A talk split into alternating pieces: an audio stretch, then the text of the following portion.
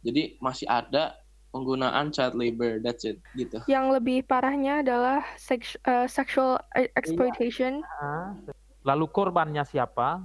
Pelakunya siapa? Diperjualbelikan anak-anak itu.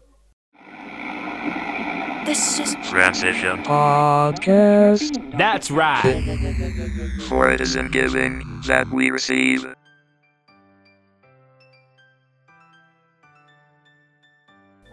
Saya tanya dulu, eh, apakah teman-teman sudah pernah mendengar atau bahkan pernah mengikuti diskusi-diskusi tentang masalah human trafficking?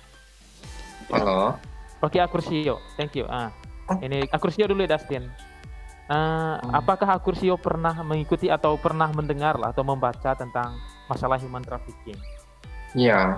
Oke, Akursio. Eh, saya mau tanya Akursio ya. Eh, kira-kira dari masalah human trafficking itu ya apa yang Akursio pikirkan atau yang Akursio dapat gitu? Kalau human trafficking itu semacam kayak uh, mirip dengan penculikan tapi kayak mana ya? Uh, kayak stalk, semacam stalking deh kalau nggak salah ya. terus? Sama uh, ini human trafficking itu kayak kayak uh, nggak cuman di nggak cuman di gimana bilangnya Eh, nggak cuman di di kidnap aja nggak cuman di kidnap tapi juga kayak di diperbudakan atau kayak dipergunakan Iya. heeh. Oke, bahasa keren dari perbudakan mungkin ya. Heeh, Iya, human trafficking. Eh, Oke, Akursio masih mau lanjut? Masih ada lagi? no no no, no Oh, thank you Akursio. Nah, saya yang ke yang lain nih. Ini tadi ada Dustin nih. Eh, silakan Dustin. Ya. Oke. uh, human trafficking yang tahu itu yang in Mexico Amerika perbatasan Mexico Amerika Ah. Uh, where ada banyak Mexican immigrant di traffic ke Amerika ya definisi uh, human trafficking ya sama is basically slavery cuman zaman uh, zaman abad ke-20 Iya. Yeah, that's it. Hmm. Oke. Nah, eh, betul ya yang dikatakan Dustin itu. Eh, dalam sejarah tahun 1900 mulainya untuk Amerika dan Meksiko itu lebih eh, kalau kalian buka nanti the history of human trafficking untuk ke Amerika kemudian Meksiko itu daerah daerah negara-negara sekitar juga itu tahun 1900 itu eh, marak ya marak sekali perdagangan manusia yang terjadi di sana. Nah, Eh, saya mau ke yang lain dulu deh. Bagus, ada eksplorasi-eksplorasi. Kita terlalu jauh nih.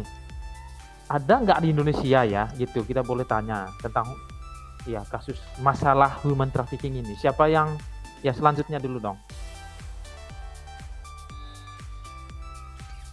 Boleh nambah? Boleh, coach. Boleh. Di kampung Anda, di NTT. Iya, betul sekali, coach. Nanti aku akan ke sana. Iya, itu itu menyedihkan banget. Terus yang jelas di kampungku juga ada Jawa Barat.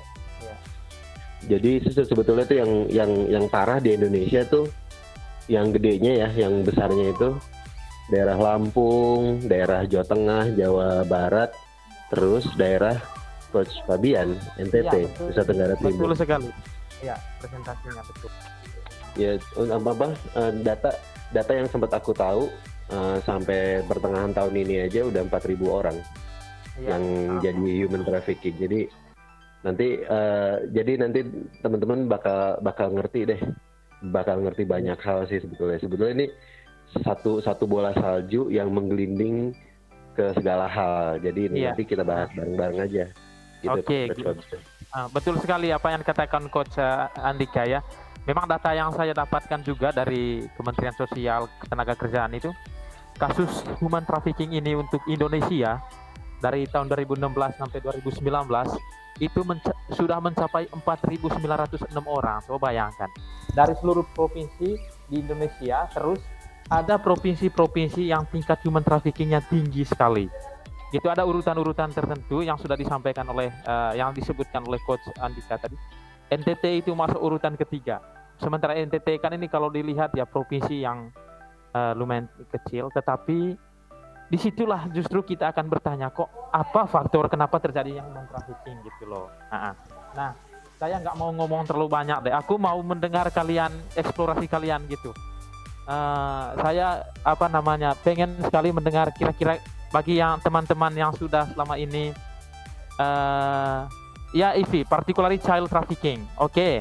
ya uh, yang selama ini sudah pernah mendengar itu gitu. Coba deh pagi ini kalian sampaikan gitu argumen atau pendapat kalian atau apa yang kalian informasi apa yang kalian dapat berkaitan dengan human trafficking.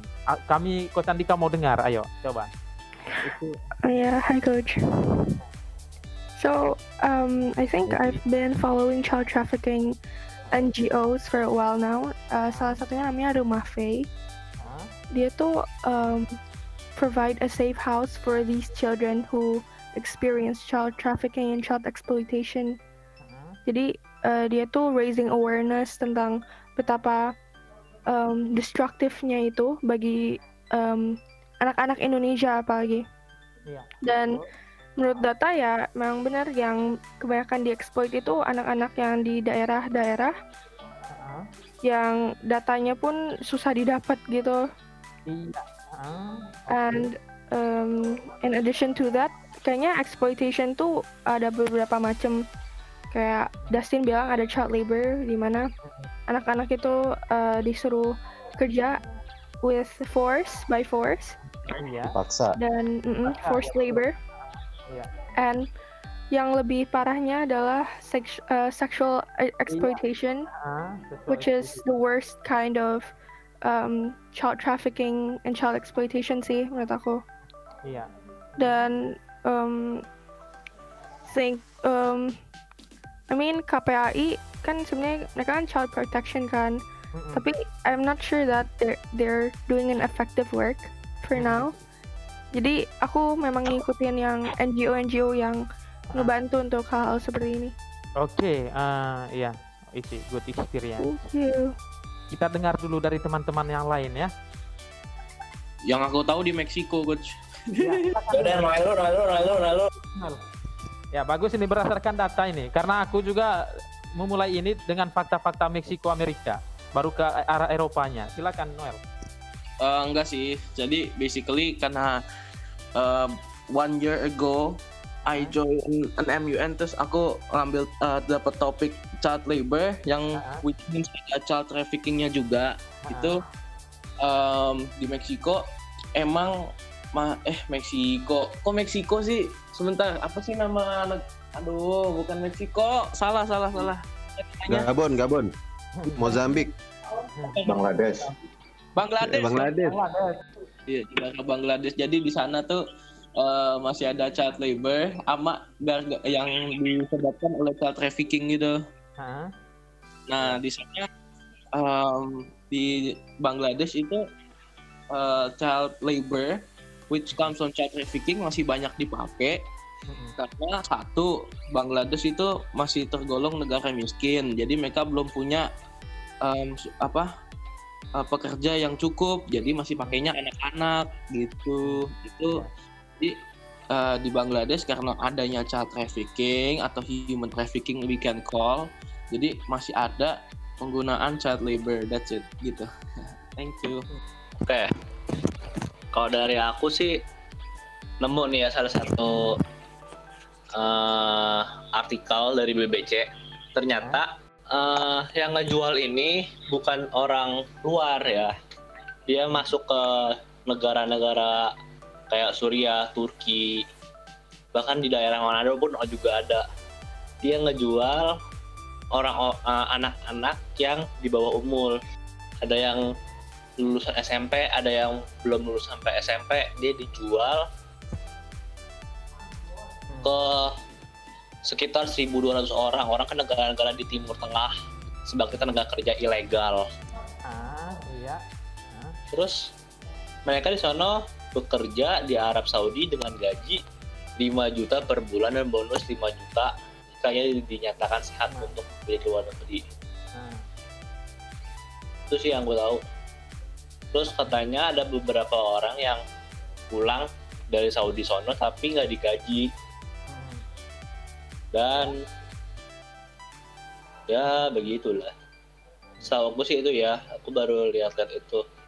Ya, artinya korban perjanjian ya, korban iya. perjanjian iya. kerja gitu. Okay. Oh, terus satu lagi coach, nah, dia yang uh, latar belakang ekonominya dari keluarganya yang enggak enggak ya enggak gimana ya enggak enggak dari keluarga yang cukup gitu ke, kecukupan gitu nah. bahkan sampai ada yang dinikahin sama orang luar sono masih umur 11 tahun loh iya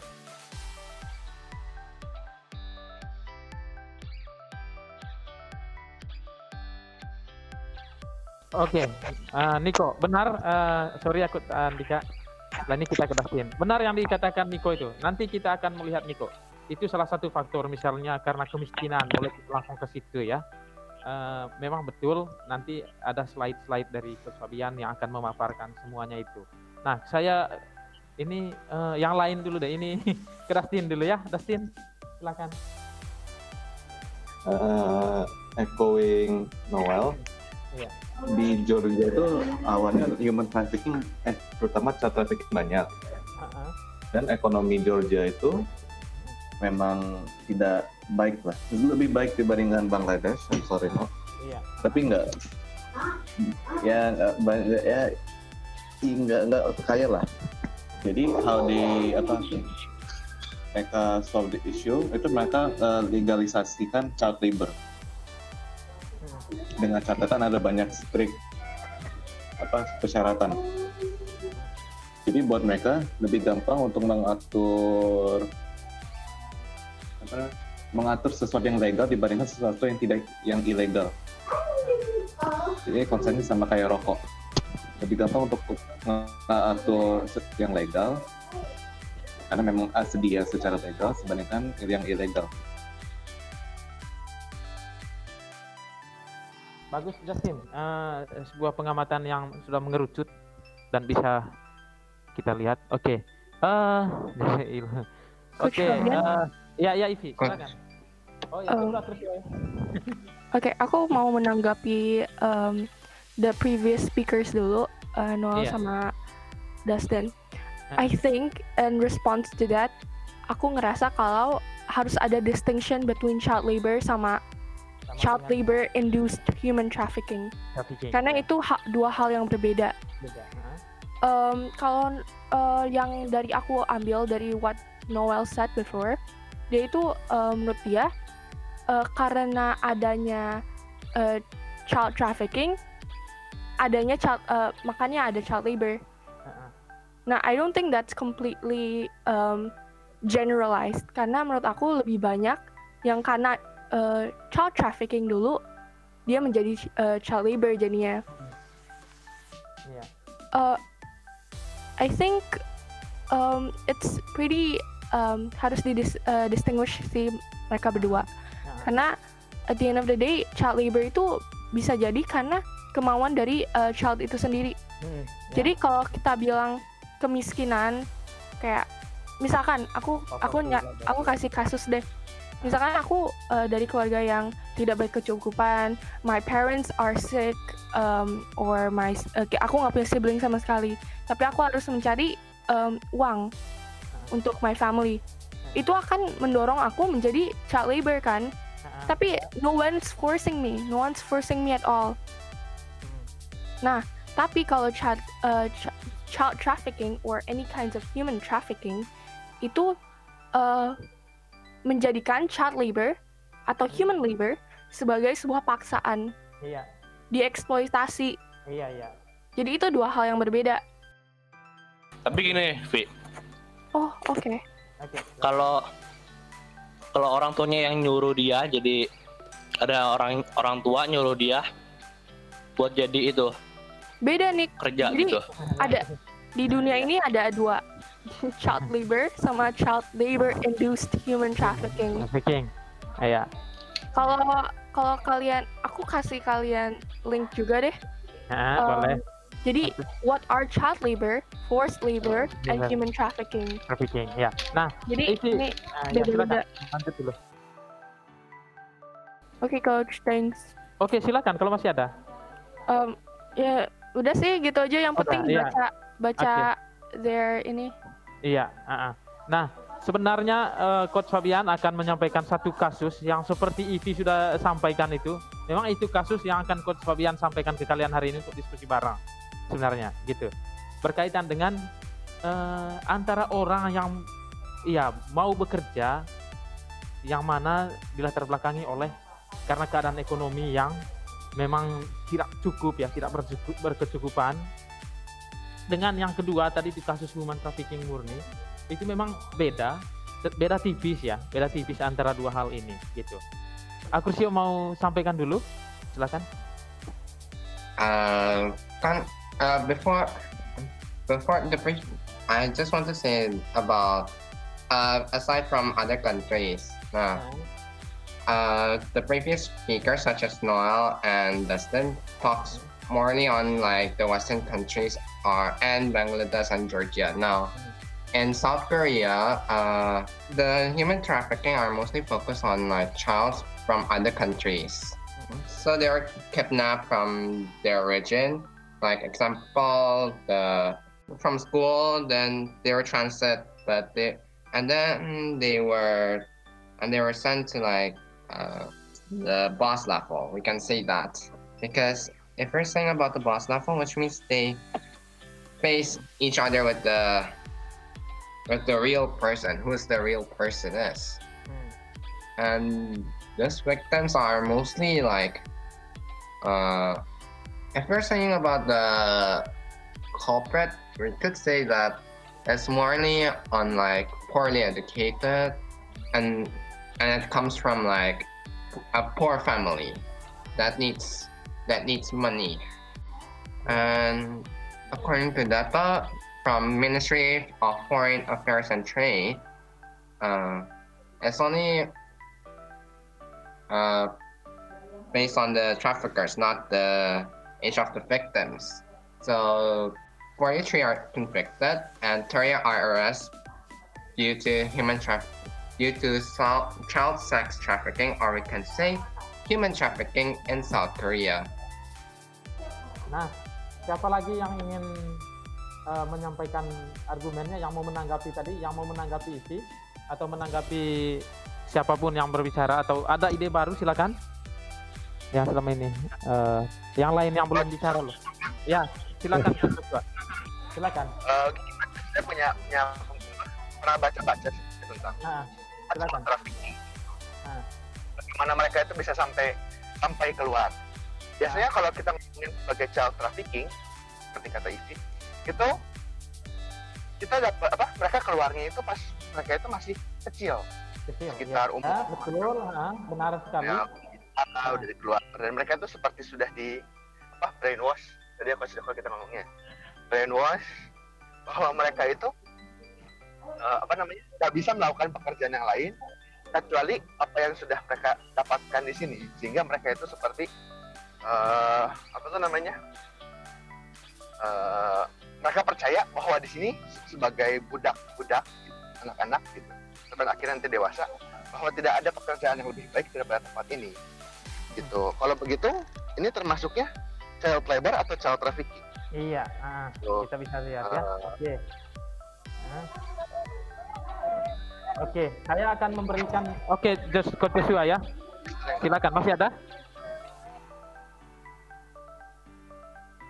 Oke, okay, nah sekarang aku coba uh, kita mencoba melihat dulu kira-kira ya antara forced labor atau kerja paksa ya boleh kita katakan seperti itu kerja paksa dengan human trafficking atau perdagangan manusia ini sama enggak gitu. Nah kita mencoba melihat definisi-definisi ya.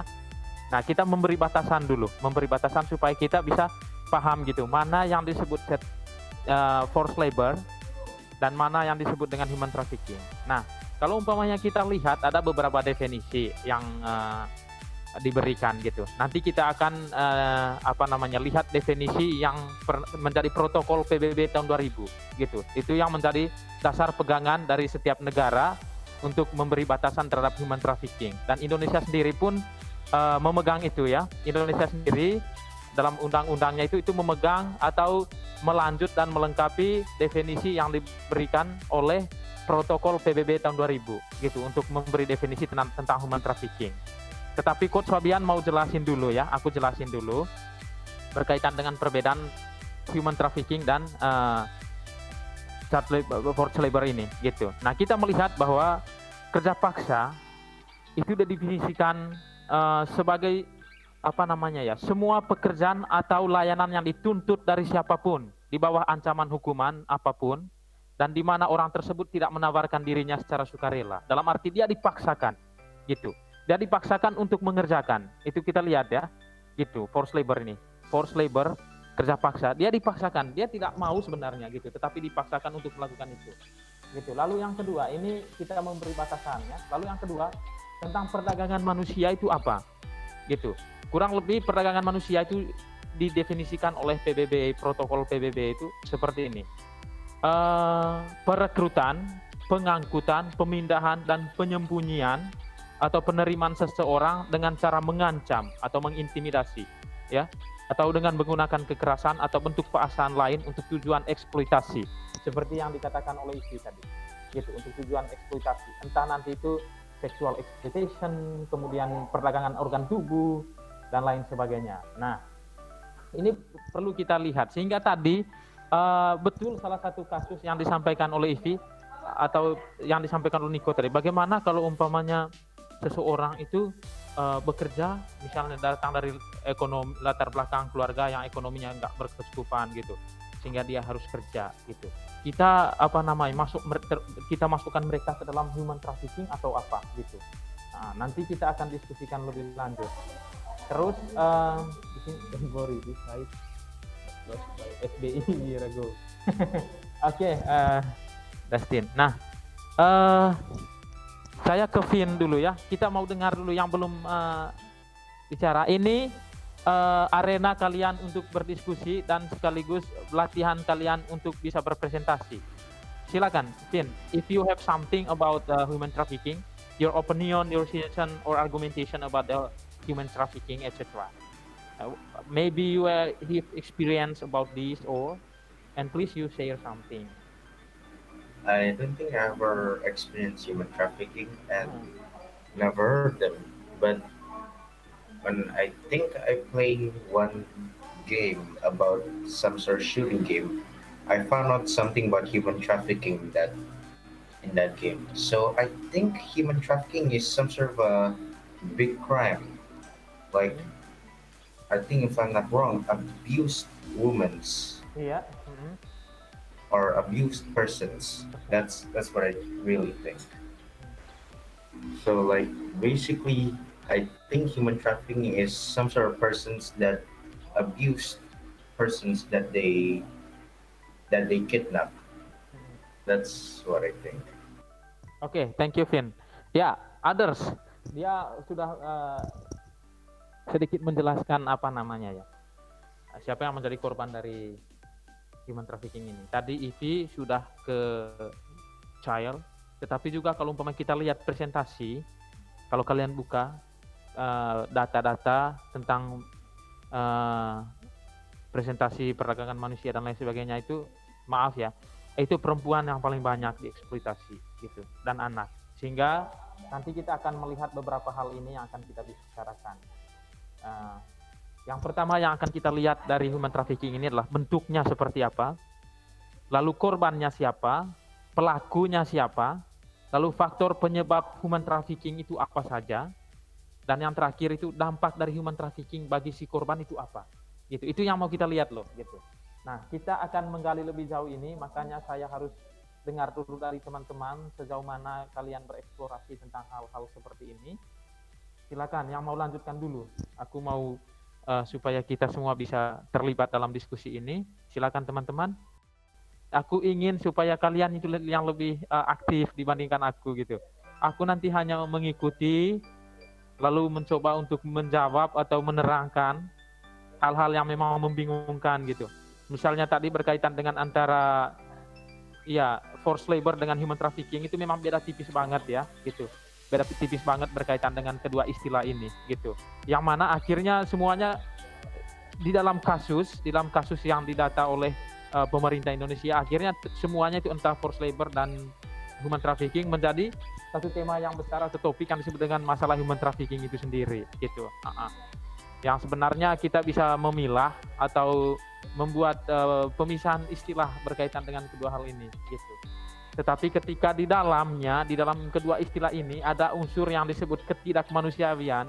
Dalam arti ini kan sebuah uh, masalah kemanusiaan ya. Itu sebagai sebuah apa namanya uh, kasus yang memang sungguh-sungguh berkaitan dengan kehidupan manusia, tentang kualitas hidup manusia.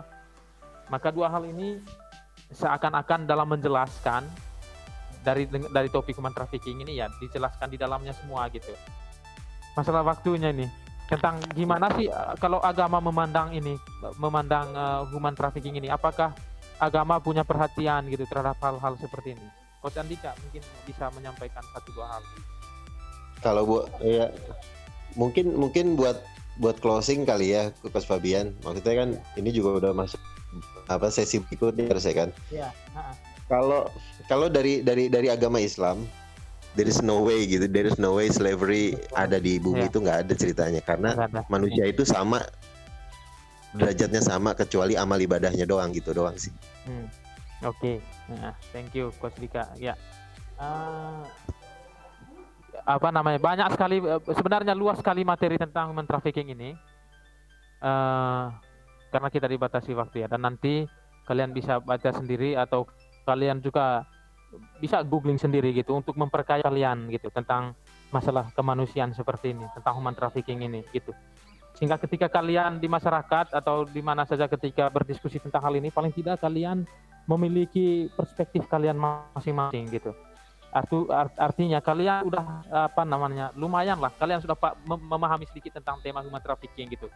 Jadi kalian bisa berargumentasi bisa memberikan opini berkaitan dengan kasus perdagangan manusia seperti ini gitu. Mengapa? Karena hal ini masih terjadi sampai sekarang. Saya katakan mungkin di sini di daerah sekitar sini uh, ya untuk Tangerang, untuk Jakarta mungkin nggak terlalu terasa ya, nggak terlalu terasa berkaitan dengan kasus human trafficking ini. Tetapi coba kalau kita ke pelosok-pelosok Indonesia yang seperti saya sebutkan tadi, itu uh, luar biasa kasus ini gitu semakin marak terjadi gitu. Semakin marak terjadi dan ini menjadi perhatian banyak orang gitu. Pemerintah dan keagamaan seperti ini lainnya gitu.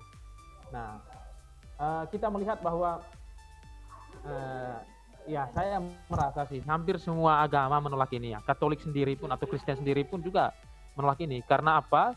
Karena konsep dasar itu dalam agama eh, Kristen itu ada manusia itu adalah imago Dei gitu. Gambaran Allah itu sendiri gitu gambaran Allah itu sendiri. Dia representasi dari Allah gitu. Jadi dia tidak manusia itu tidak berhak menguasai kehidupan manusia lain.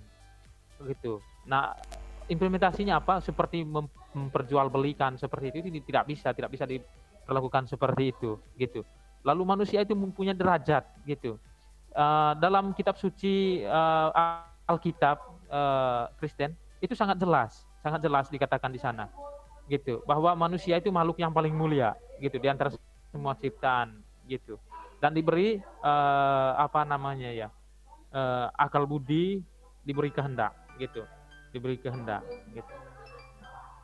Sehingga manusia tidak bisa memperlakukan sesamanya seperti itu. Lalu yang kedua diterapkannya hukum yang paling uh, dasar yaitu ya hukum uh, cinta kasih gitu ketika manusia bertindak seperti itu ya manusia itu sebenarnya menjadi uh, setan bagi manusia yang lain menjadi musuh bagi manusia yang lain gitu. Dari tindakan kasih untuk tindak apa untuk hal seperti ini masalah perdagangan dan lain sebagainya tidak ada. Jadi untuk uh, kita lihat bahwa memang ya uh, semua agama kalau kalian baca apa tanggapan-tanggapan agama terhadap trafficking mencoba uh, menyampaikan doktrin-doktrin kemudian solusi-solusi yang disampaikan oleh agama itu gitu solusi-solusi yang disampaikan oleh agama ya paling tidak untuk mengurangi atau mencegah terjadinya masalah human trafficking atau perdagangan manusia seperti ini. Thank you semuanya, thank you Coach Andika, thank you Coach Joshua, thank you semuanya ya uh, yang berpartisipasi aktif maupun berpartisipasi pasif. Silakan. You, uh, thank you semuanya ya, thank you guys. Bu Ketemu lagi. Okay. Ya. Thank you. Thank you, Coach. Thank you, Coach. Bye. Bye. Ya. Yeah. Bye, guys. Bye, Bye, guys. Thank you.